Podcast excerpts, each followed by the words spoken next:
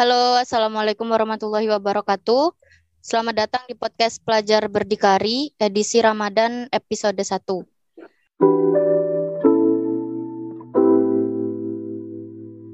Pada kali ini kita akan berbincang-bincang dengan salah satu mahasiswa berprestasi. Perlu teman-teman ketahui, orang ini punya nama yang unik dan mungkin satu Madura bahkan satu Indonesia hanya dia yang memiliki nama ini. Oke, langsung saja Selamat datang Ipmawan Rangges Adiputra yang kerap kali kita panggil dengan panggilan Obe. Sepertinya kalau kita panggil Ipmawan Rangges kurang akrab ya. Jadi boleh nggak kalau kita panggilnya itu Obe? Ya, boleh. Boleh aja, terserah seenaknya. Terima kasih kepada host telah memberikan saya kesempatan. Saya ucapkan Assalamualaikum warahmatullahi wabarakatuh. Waalaikumsalam warahmatullahi wabarakatuh. Uh, gimana kabarnya teman-teman yang ada di sana? Mudah-mudahan selalu dalam lindungan Allah. Amin. Uh. Setelah kita berkenalan dengan Ipmawan Rangges, uh, pastinya kita semakin penasaran yang saat ini uh, dia sedang menempuh pendidikan di Universitas Al Azhar Kairo di Mesir. Apalagi dia adalah salah satu kader Ikatan Pelajar Muhammadiyah Bangkalan yang saat ini masih ada jabatan di pimpinan daerah Ikatan Pelajar Muhammadiyah Bangkalan sebagai Ketua Bidang Kajian Dakwah Islam. Tanpa berlama-lama lagi, kita langsung ngobrol-ngobrol aja sama Obe. Uh, gimana kabarnya hari ini? Alhamdulillah, baik insya Allah. Sehat insya Allah. Alhamdulillah. Keadaan sekitar gimana, Bu? Sekitar ini ya seperti biasa, suasananya ya gini-gini aja. Orang-orang Mesir sibuk dengan uh, kegiatannya masing-masing. Uh, kendaraan ramai berlalu lalang karena kebetulan apa rumah saya atau kita uh, ma mahasiswa yang ada di Kairo ini biasa menyebutnya dengan imaroh. Imaroh, rumah itu disebut dengan imaroh. Cuman rumah di Mesir ini berbeda gitu dengan rumah-rumah di Indo pada umumnya karena di Mesir tidak ada satu rumah satu bangunan hanya dimiliki satu orang gitu karena bentuknya seperti apartemen gitu. Jadi kalau nyari rumah itu agak ribet gitu. Nanti nanya imaroh berapa terus lantai berapa, madhol berapa. Agak ribet. Dan lagi kebanyakan rumah di Mesir ini masih masih pakai tangga gitu ke atasnya. Belum ada lift atau apa gitu. Kecuali ya rumah-rumah yang elit itu pada liftnya. Untuk mahasiswa eh, untuk mahasiswa Indonesia yang tinggal di Mesir tentunya nyari harga yang murah kan jadi imarahnya ya seadanya gitu seperti itu. Berarti nggak semua himaro di situ jelek ya? Maksudnya eh, tergantung harga juga? Ya, tergantung harga juga. Kalau di Mesir ini kan ada PCIM kan, pimpinan cabang istimewa Muhammadiyah Mesir. Nah, itu apa itu namanya?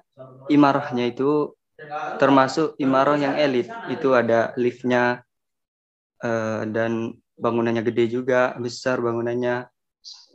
Terus kebetulan entah kebetulan entah emang itu udah diatur sama PCIM kebetulan itu imarahnya atau tempat markas PCIM itu ada di bawah ada di kalau kita nyebutnya ada di RD ada di bawah gitu jadi nggak nggak perlu meskipun nggak ikut lift, kita agak capek-capek naik tangga lagi karena markas Muhammadiyah ada di bawah. Ditinggal datang, masuk, naik tangga dua kali, udah nyampe markas PCIM yang didesain sangat luar biasa. Temboknya bermarmer, karpetnya tebal, mahal.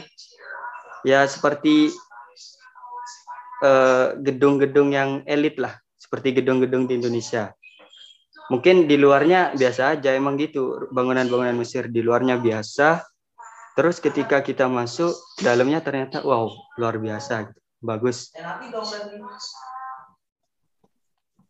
Oh iya, selama ini kan kalau lihatnya bangunan itu ya eh, apa sama semua. Kayak catnya itu cuma coklat aja. Iya, bener banget sih. Entah entah kenapa kayaknya emang itu catnya coklat semua, entah filosofinya apa, entah saya kurang tahu. Mungkin nanti bisa saya cari tahu mungkin ada filosofi tersendiri mungkin saya nggak tahu. Cuman memang bangunannya ya gitu kotak-kotak terus warnanya ya coklat nggak ada kebanyakan coklat gitu. Nggak ada yang menarik kalau dilihat dari luarnya. Tapi ketika masuk di dalam di dalam ruangan ya tergantung pemilik uh, imarah itu Oke, terima kasih. Uh, kalau tahu sekarang di Mesir itu lagi musim apa? Di Mesir ini kayak perpindahan dari musim dingin ke musim panas, musim panas. Jadi kalau kadang-kadang sempat waktu itu panasnya nyampe berapa ya? 34-an mungkin, 34. Kebetulan saya itu pas naik bis jadi hawanya itu uh panas banget. Gila kan biasanya hawa sekitar 14, 16 gitu kan. Jadi pas itu kayak hari itu panas sekali. Jadi kaget kita, panas agak pusing gitu. Apalagi kalau tahu bis di Mesir itu uh gila supirnya. Ugal-ugal digas aja terus gitu. Bukan enggak kayak kayak joki-joki pembalap gitu. Jadi ya agak pusing, panas, agak pusing. Kadang juga dingin sekali sampai 10 gitu. Jadi nggak nentu. Kadang sehari ini uh, suhunya panas, kadang dingin. Nah kebetulan hari ini suhunya enak lah, hangat. Sekitar berapa ya? 23 nyampe 25 lah. 5. Cuman kalau pas keluar gitu, kena matahari, rasanya yuk panas sumuk gitu. Tadi saya kan keluar ya. rasanya sumuk panas keringetan. Kalau di rumah sih enak-enak aja masih dingin. Uh, mungkin di musim ini apa yang membedakan kamu ketika di Mesir sama di Indonesia? Maksudnya kebiasaan-kebiasaan. Kebiasaan-kebiasaan saya, Pak. Kebiasaan-kebiasaan orang Mesir pada umumnya. Boleh diceritain dua-duanya. Uh, kalau kebiasaan saya mah ya gitu-gitu aja sih sebenarnya. Ya kalau biasalah pagi ya sholat ya sholat ke masjid terus pagi ya ya masak nyuci dan sebagainya. Terus kalau ada kuliah ya ke kampus. Tapi ke kampus itu paling jam 9, jam 10 lah. Jam 9, jam 10 baru ke kampus. Ya seperti lah tiap hari terus habis dari kampus. Dari kampus biasanya itu jam berapa ya? Jam jam 5 paling sore itu jam 5. Jadi kuliahnya gak tiap hari. Cuman kuliah jadi kuliah di sini tuh gak tiap hari. Seminggu itu cuman kalau yang syariah itu kuliahnya cuma tiga hari. Kalau yang kayak saya, Usuluddin, kuliahnya empat hari. Karena ini lagi pandemi, jadi saya kuliahnya dua kali offline, dua kali uh, online gitu. Ya, kalau kegiatan saya gitu. Kalau kegiatan orang musim orang Mesir di musim dingin kayak gini biasanya mereka mereka itu biasa habis subuh mereka tidur lagi sampai jam 9 jam 10. Nah, baru setelah itu mulailah aktivitas-aktivitas. Toko baru buka, eh, pasar baru buka gitu. Kecuali pedagang roti is.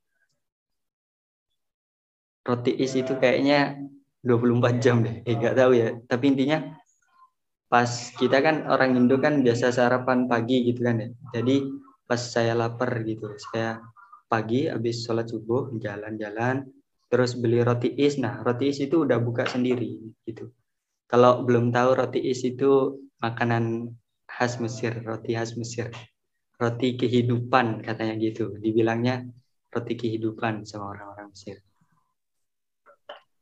nah gitu. Jadi mereka biasa setelah subuh mereka tidur sampai jam 9 sampai jam 10 baru setelah itu beraktivitas terus mereka beraktivitas sampai tengah malam. Sampai kadang kalau saya belum tidur itu jam 12 masih ramai sekali orang-orang teriak-teriak orang-orang bercanda-bercanda orang-orang seru canda gitu. Mungkin mereka ada sebagian yang sampai subuh gitu kegiatannya jadi mereka bangun jam 9 kegiatannya terus sampai tengah malam. Ya begitulah kebiasaan orang-orang Mesir. Di musim dingin ini. Oke, menarik banget nih, Mbak. Uh, aku coba nimbrung nih, guys ya, teman-teman semuanya. Kalau aku pribadi sih roti-roti Mesir, roti-roti Timur Tengah itu kayak bolani dan sebagainya kan di Indonesia itu kan banyak gitu ya. Kalau aku pribadi sih nggak nggak ngerasa gak enak aja sih maksudnya bukan tesnya bukan sekarangnya orang Indonesia gitu. Kalau menurutmu gimana Pak? di Mesir tuh apakah kamu bisa terima gitu makanan Mesir terutama roti isi gitu ya? Atau gimana? Uh, gini ya. Kalau untuk roti is itu pas awal datang set kan kita ikut mediator Fustat gitu. Namanya itu mediator Fustat milik PCIM. Nah, nanti adik-adik teman-teman sekalian yang mau ke Mesir bisa ikut mediator itu ya. Punya PCIM. Mantap nih. Namanya mediator Fustat. Fustat ya, ingat-ingat catat baik-baik. Itu dengan oh, iya. harga yang sangat murah dan fasilitas yang sangat uh, luar biasa. Ini sekalian Beda berpromosi dengan, gitu ya. Iya, mantap. Iya. Uh, beda dengan mediator lain. Kalau mediator lain itu kan setelah dijemput uh, mahasiswa-mahasiswa baru dibiarkan gitu aja, ditinggal di marohnya. Terus sedangkan mediator Fustat ini sangat peduli kepada mahasiswa-mahasiswa baru. Jadi kita dicarikan imaroh, terus ditemenin selama mungkin uh, tahun pertama kita bisa nanya-nanya ke kakak tingkat kita orang-orang PCM gitu. Mereka sangat terbuka dan siap membantu apa saja permasalahan mahasiswa baru. Jadi itulah kelebihan mediator Fustat. Terus hubungan dengan apa roti is kan itu pas baru datang sama kakak kakak tingkat kita disuguhin roti is tuh. Roti is terus ada itu namanya kayak apa ya kayak bumbunya gitu ya. Kayak bumbunya itu bumbu kacang namanya full. Terus full. ada seksuka ada seksuka itu apa itu seksuka ya? Kayak tomat mungkin kayak tomat oh, iya. tomat gitu. Tomat tomat terus ada juga kibdah kibdah itu hati hati onta dan lain sebagainya hati onta apa hati onta atau hati, hati sapi. sapi. Oh, ternyata di sana juga ada sapi. Aku kira cuma onta aja gitu. Onta sama kambing gitu. Yeah. ya. Jadi sapi juga ada gitu. Ada, ada. Wah. Ada kelinci, ada ayam, ada. Ah, bener loh kelinci di sana ada. Ada seriusan. Oh, ngeri juga, Bun siap, siap. Bebek juga ada yang suka bebek, bebek Sinjai. Walah. Bisa di sini. Kamu bisa tuh buka cabang Sinjai Mesir gitu loh, Mbak. Kan lumayan tuh kan. Aduh. Omset juga kan. Tahu masak, Pak. gitu ya. Um... Nah, pas pas kita disuguhin roti is itu, saya makan kan. Hmm. Pertama itu sama senior kayaknya emang sengaja ngerjain kita. Ini make full aja katanya make full. Nah tak makan kok. Rasanya saya ngebayangin kan kayak pecel gitu kan ya namanya kacang yeah, yeah. ternyata terus terus terus. Hambar hambar gitu pengen muntah berutan karena sama sekali iya sama kayak aku juga. Terus terus. Terus? Terus responmu pertama kali gimana ke seniornya? Ke seniornya kan maksudnya roti apa ini gini udah sih kan gitu kan. Respon pribadimu gitu gimana? Ya gimana ya? Namanya senior kan? Saya diem aja kak. Mau komen ah gak enak ntar gak sopan gitu kan. Ya udah paksain. Kalau roti is itu alhamdulillah pas sekali nyoba langsung cocok gitu ke saya. Cuman capek ngunyahnya cuy. Uh, ngunyahnya itu kan agak keras gitu kan ya jadi capek cuman ya cukup mengenyangkan lah roti itu pas nyoba full gak masuk kita nyoba saksuka nah saksuka ini bisa sedikit masuk lah. Kalau kibdah kan hati itu alhamdulillah makanan kesukaan saya juga jadi ya enak-enak aja makan kibdah. Hmm. Murah ya, harganya berapa, Mbak, di sana, Mbak? Kalau apa kalau di Indonesia itu bisa beli roti itu bisa dapat nasi pecel atau gimana gitu atau mahal gitu kan. Roti soalnya kan oh. kan di Indonesia tuh roti terkesan mahal gitu. Tapi ya, ya semuanya sih, tapi kan rata-rata gitu kan. Uh, kalau roti sendiri itu harganya kalau yang kecil ya kayak jadi kan roti is itu kayak bukan roti yang ngembang itu jadi roti yang tipis kayak kayak roti Mariam. Tahu kan roti Mariam iya iya nah itu tipis kan kalau yang gede itu harganya satu pon satu pon atau satu le kita bilangnya. Kalau yang agak kecil itu setengah setengah le. Hmm. jadi kalau satu pon itu sekitar seribu rupiah. Ah. sekitar seribu rupiah.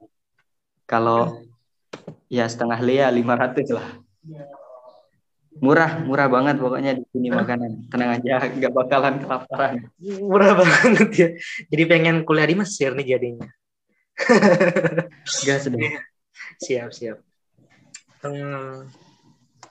Kalau itu, Mbak, kalau nih aku nih juga jujur masih masih kayak mind blowing kayak masih bertanya-tanya ya kan soalnya kan di Islam gitu ya terutama mungkin di daerahku ya di Bangkalan ya di daerah kita Bangkalan gitu ya kalau kita sering dengar-dengar petua dari orang tua gitu jangan tidur lah kamu jangan tidur habis subuh gitu kan ya. Tadi kan katanya obat katanya tadi di Mesir tuh justru orang Mesir tuh kalau habis subuh tuh malah tidur gitu kan. Kalau di kalau di sini kan kayak kita tuh disadarkan kamu jangan tidur habis subuh itu kan nggak baik gitu nanti rezekimu mampet gitu gitu kalau menurutmu pribadi gimana bu selaku orang yang pernah hidup di Indonesia dan di Mesir gitu ya?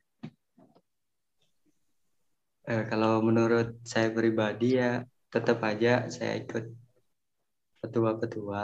Karena itu emang tidur waktu-waktu yang mereka eh, yang apa dibilang kurang baik untuk tidur kan setelah subuh setelah asar eh, antara maghrib dan isya kan kurang baik untuk tidur. Jadi menurut saya pribadi ya kalau bisa jangan tidur lah. Yang eh, dipaksain jangan tidur. Tapi kalau kita dalam keadaan capek habis beraktivitas mungkin beraktivitas yang melelahkan eh, tiba-tiba kita tertidur ya eh, masalah lain gitu ya pak ya. Pengecualian ya. masalah. Iya siap siap. Berarti benar nih apa yang aku yakini ternyata benar gitu Uh, Oke, okay. Mbak, aku nih pengen tanya nih, Mbak.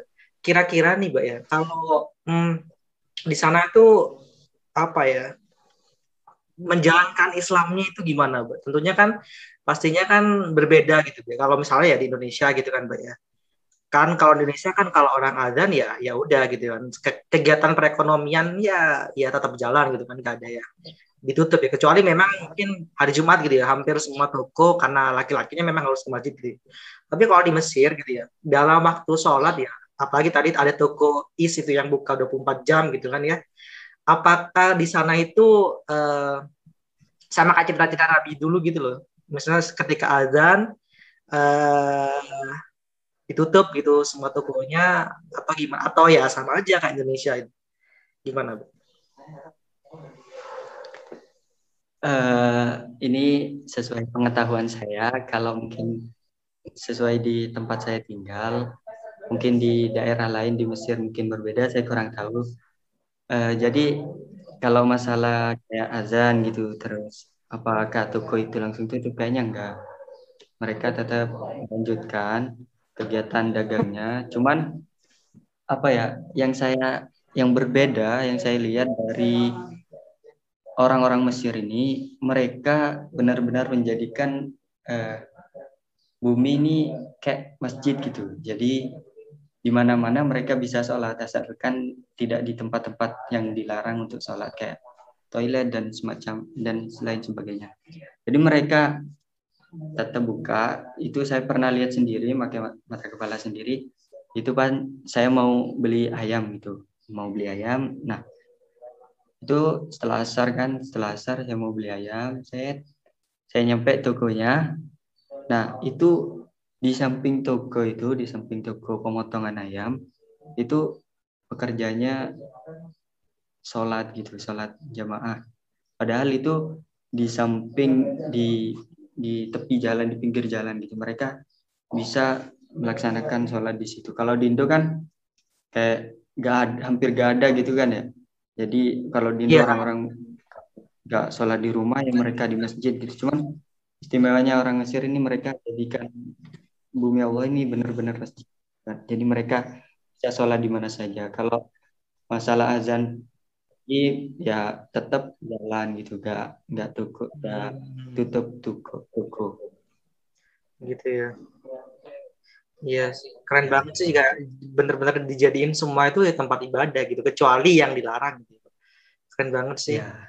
Berarti memang ketika azan tuh ya langsung sholat gitu ya, meskipun tokonya nggak ditutup itu ya tetap langsung sholat gitu ya itu ya Iya. Mantap sih. Meskipun nggak pas langsung sholat azan ya setelahnya mungkin. Cuman ya mereka mungkin mereka gantian sholatnya. Nah tadi kan ini agak jinggung apa Jumat gitu salah Jumat. Nah ini ada yang unik gitu di tempat saya tinggal namanya ini di bawah dua Hai Asir Kairo Mesir hmm. itu alamatnya nah oh. ini jadi tiap tiap Jumat Jumat dan Minggu itu ada pameran mobil jadi di sepanjang jalan di bawah bat sepanjang jalan di bawah bat itu penuh sama orang-orang yang mamerin mobil gitu. Beneran itu Jumat. Kok bisa ya? Iya beneran. Jadi nggak tahu ya emang mungkin emang tradisinya saya nggak tahu. Cuman gitu yang saya amati setiap hari Jumat dan Minggu. Nah mereka ya gitu tawar-nawar ya nanya-nanya lihat-lihat gitulah sampai-sampai macet jalan itu nggak bisa jalan jadi ya, apa kendaraan lain nggak bisa lewat gitu. Nah jadi kalau seumpama kita saya mau ke masjid Al Azhar gitu hmm. terus mau ikut mau ikut bus itu gak bisa mepet-mepet pas mau pas mau azan gitu ya. jadi berangkat. Kan macet banget jadi uh, jadi kita nunggu bus itu jam 10 jam 10 biar gak telat. Soalnya apa kalau udah telat itu gerbangnya gerbang masjid Al Azhar ditutup. Jadi kita sholat di luar. Gitu ya bu jadi gitu. Terus orang-orang yang dagang-dagang mobil itu mereka tetap jumatan. Cuman ya gitu mereka jembatannya mepet-mepet ya langsung gitu langsung langsung sholat ya langsung khutbah gitu ya nggak masuk pas khutbah gitu ya hmm, gitu ya bukan uh, pas sebelum azan mereka udah pada masuk gitu oh alah berarti pamerannya itu ya. sebelum ya. jauh sebelum azan gitu ya intinya hari Jumat yang mendekati ya. waktu sholat gitu kali ya Pak ya hmm. hmm. pamerannya itu dari jam 8 kayaknya. Mereka rajin kalau pameran mah ya tidur sampai jam 9 jam 8 jam 8 udah rame gitu. Wah, gitu ya. Yang dijual mobil Ferrari enggak? Maksudnya kan kalau di Dubai ini kan masih timur tengah nih kompleksnya Dubai dan kawan-kawan gitu ya. Nah, kalau di Dubai itu kan mobilnya ya gitulah, maksudnya golongannya Ferrari, mobil sport-sport gitu loh yang unik-unik. Kalau di sana gimana, Bu? Hmm. Sama aja Enggak sih, mobilnya itu mobilnya mobil biasa. Cuman kan mobil di Mesir ini uh, apa itu? Kalau mobil yang kecil itu ya kecil apa? Tipis apa gitu. saya kan nggak tahu mobil pokoknya yang kecil. Okay, kalau okay. Avanza gitu kan kayak sedan, tinggi gitu kan ya. ya gitu kayak sedan gitulah. Kebanyakan mobil di Mesir gitu. Bentuknya gitu gitu cuman nggak mewah lah. Ya mobil biasa kayak pada umumnya. Hmm. Oke. Okay. Gitu. Menarik banget nih ya, unik banget.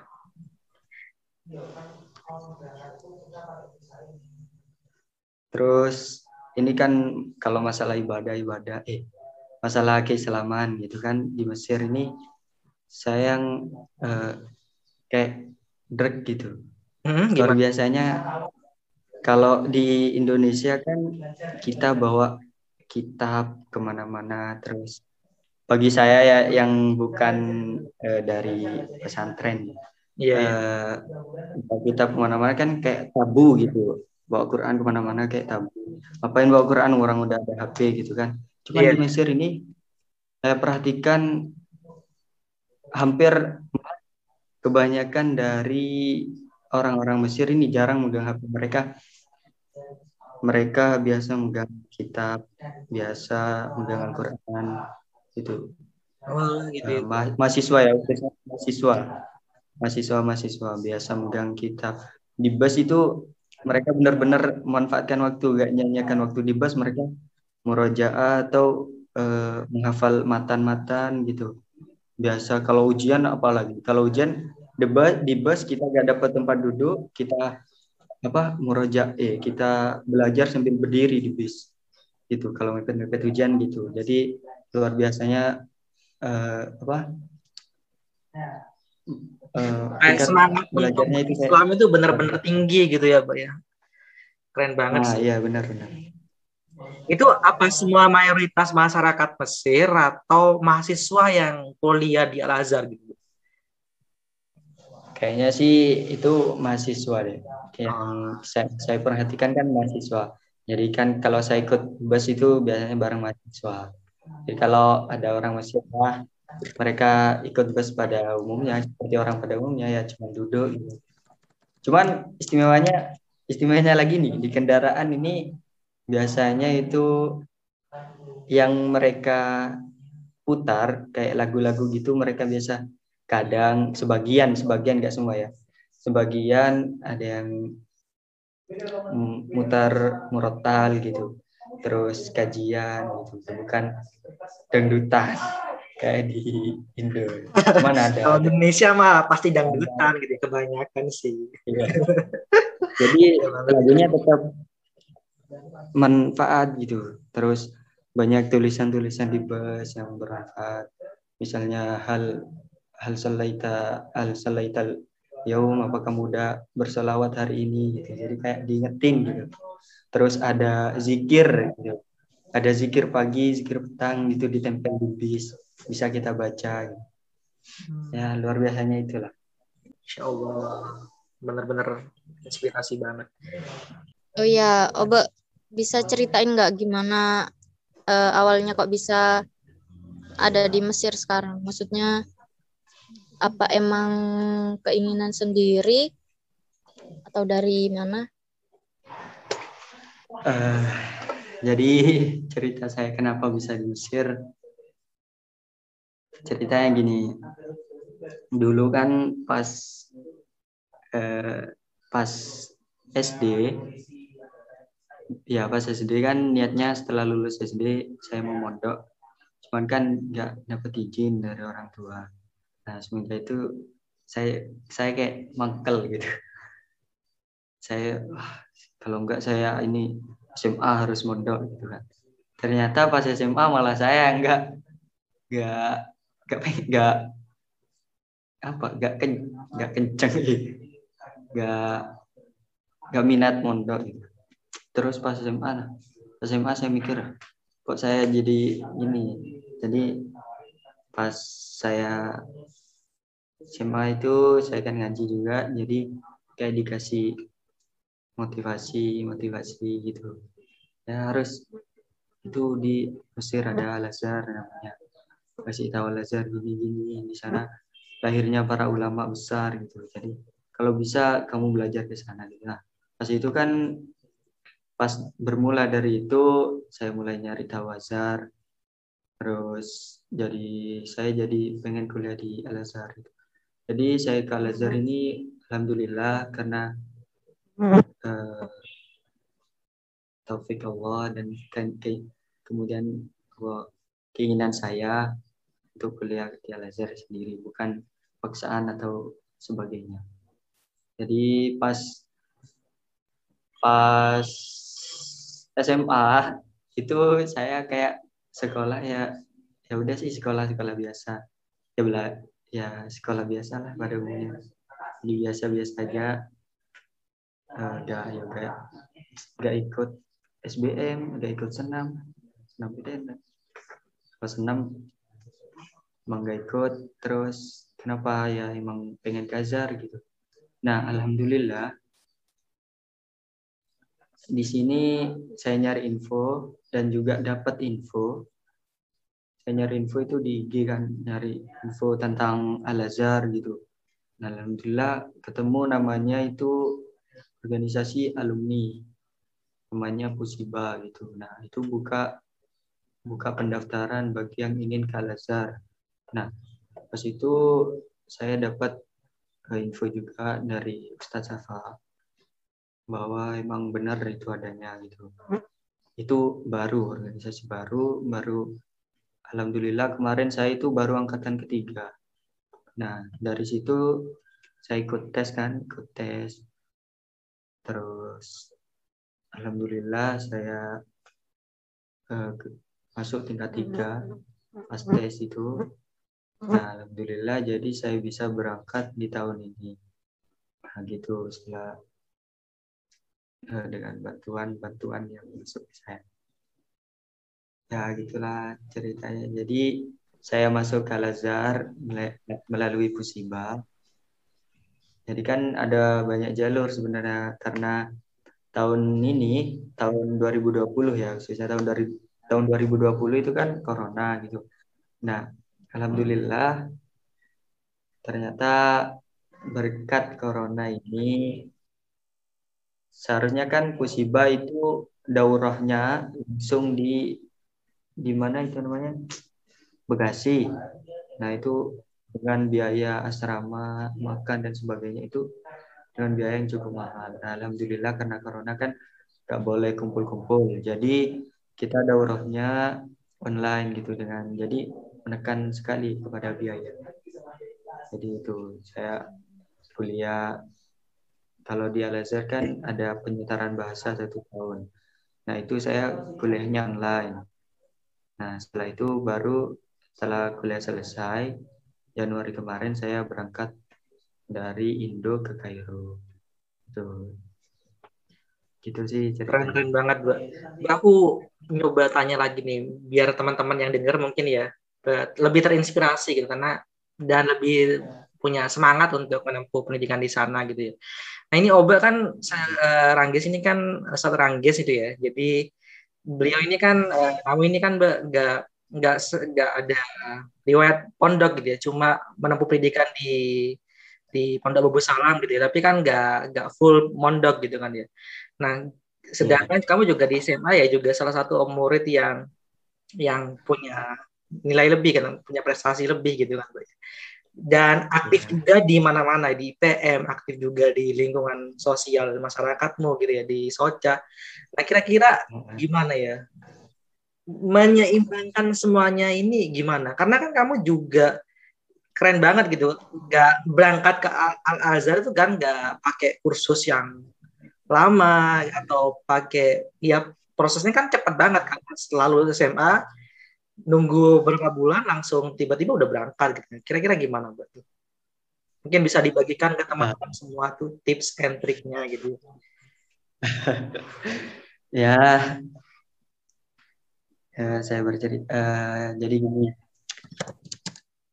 ini kan benar tahun kemarin Kemenak itu tidak mengeluarkan eh, apa tes untuk ke Kairo. Jadi saya ikut Pusiba itu. Nah, alhamdulillah itu kan keterima, keterima tiga tiga. Nah, gimana cara saya membagi kegiatan saya itu? Jadi ya kalau kita punya keinginan, tentunya kita bakalan berusaha gitu. Jadi sebenarnya saya udah belajar di Bagus Salam kan saya udah ngaji itu dari SD kan.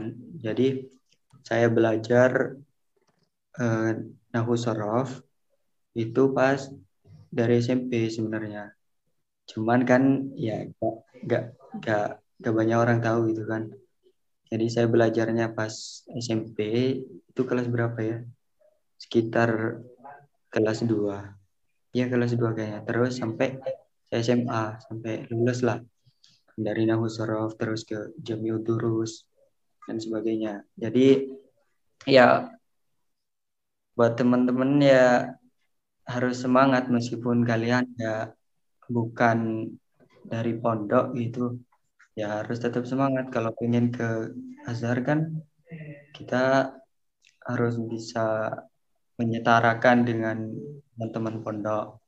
Ya harus mau belajar mau belajar. Entah itu nahu entah itu bahasa Arabnya. Karena akan kesulitan gitu kalau kita nggak tahu itu dasar-dasarnya untuk mengikuti nggak tahu. Jadi kita bakalan kesulitan. Jadi ayo teman-teman belajar gitu ya yang penting istiqomah belajarnya rutin gitu. Nggak apa nggak lo cengken-cengan nih ya iya iya intinya gitulah. Ya intinya kalau kamu pengen kuliah di Al Azhar ya harus rajin harus semangat gitu ya. Jadi dan ya aku bisa highlight gitu mbak ya.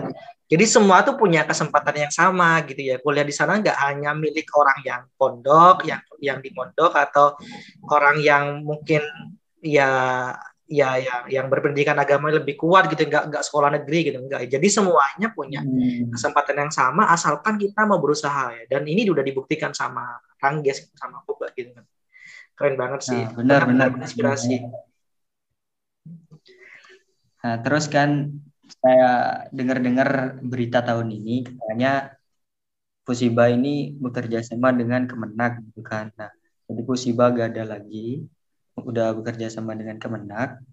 Jadi teman-teman yang merasa bukan dari pondok dan kesulitan untuk mungkin nanti mengerjakan soal-soal ke- dari Kemenak itu insya Allah jadi saya dengar-dengar PCIM ini udah membentuk eh, membentuk eh, kelompok gitu, membentuk kelompok lembaga untuk memberikan bimbingan belajar kepada teman-teman di Indonesia yang mau ikut tes Kemenak masuk Universitas Al Azhar kayak gitu. Jadi gitu, jangan kecil hati buat teman-teman Eh, tetap semangat, terus belajar, terutama belajar bahasa ya karena bahasa sangat penting. Dan jangan lupa mohon doa dari orang tua juga itu sangat penting. Mohon doa dari orang-orang sekitar dan jangan lupa berdoa sendiri. Terus yang terakhir bertawakal kepada Allah. Masya Allah. Udah gitu sih. keren keren ini benar-benar wajib di publik dipublikasikan seluas-luasnya nih tips and trick dari obat nih sedikit ya itu masih belum seharusnya kalau lebih digali itu pasti bakal keluar lebih banyak tuh saran dan nasihat dari obat Ya, ya, kenapa gitu? Kenapa kenapa sih harus jauh-jauh ke Azhar gitu? Kuliahnya orang Hindu ada ya. Banyak hal yang istimewa di Azhar. Nanti bisa kalian temukan di Azhar. Salah satunya istimewanya di Azhar ini kuliahnya gratis. Untuk S1 kuliahnya gratis gak ada biaya. Kalau S2 gitu kayaknya sekitar bayar sekitar 1.500 sejuta setengah lah kalau orang jadi kalau rupiah sejuta setengah gitu. murah bener ya Nah, jadi hmm, terus sistem belajarnya juga belajar ini istimewanya agak ada absen gitu di Ah, bener ada absen. Ya serius gak ada absen. Terserah mau masuk mau enggak, terserah. Cuman sistem belajarnya ada yang di kampus, ada juga yang kayak tal- talaki gitu. Jadi siswa bisa milih mau kuliah di kampus secara formal atau non formal di Masjid Al Azhar itu banyak talaki-talaki. Jadi belajarnya kita bisa ke siapa saja, gitu, ke syekh siapa saja. Syekhnya juga banyak. Insya Allah eh mbak sorry ini Banyak. kelewat nih ya gimana oh ini kayaknya kelewat nih ya pak ya kamu prodinya apa gitu mbak prodi kuliahnya itu apa dan dan belajarnya tuh apa gitu. Karena kan dari tadi kan belum di sempat diceritain cuma disinggung dikit tuh kan ya. Mungkin teman-teman biar siapa tahu nanti ada yang ikut jejakmu gitu dari khususnya dari teman-teman IPM gitu. uh, kalau saya sendiri ini di Fakultas Usuluddin. Kalau prodi itu kayaknya baru ditentukan itu tingkat tingkat tiga. Tingkat tiga itu sekitar semester semester 6. Nah, itu baru ditentukan di situ prodinya. Jadi pas awal ya kita belum menentukan prodi. Nanti pas tingkat tiga kita menentukan prodi. Kalau di Usuluddin itu ada tafsir, ada akidah filsafat, ada hadis. Kalau di syariah saya kurang tahu ya, karena saya Usuluddin. Insya Allah doakan, mohon doa kepada teman-teman. Insya Allah saya ambil tafsir tafsir Quran gitu. Amin ya Allah, semoga bisa terrealisasi mimpi dan keinginannya Allah. Amin ya Allah, amin.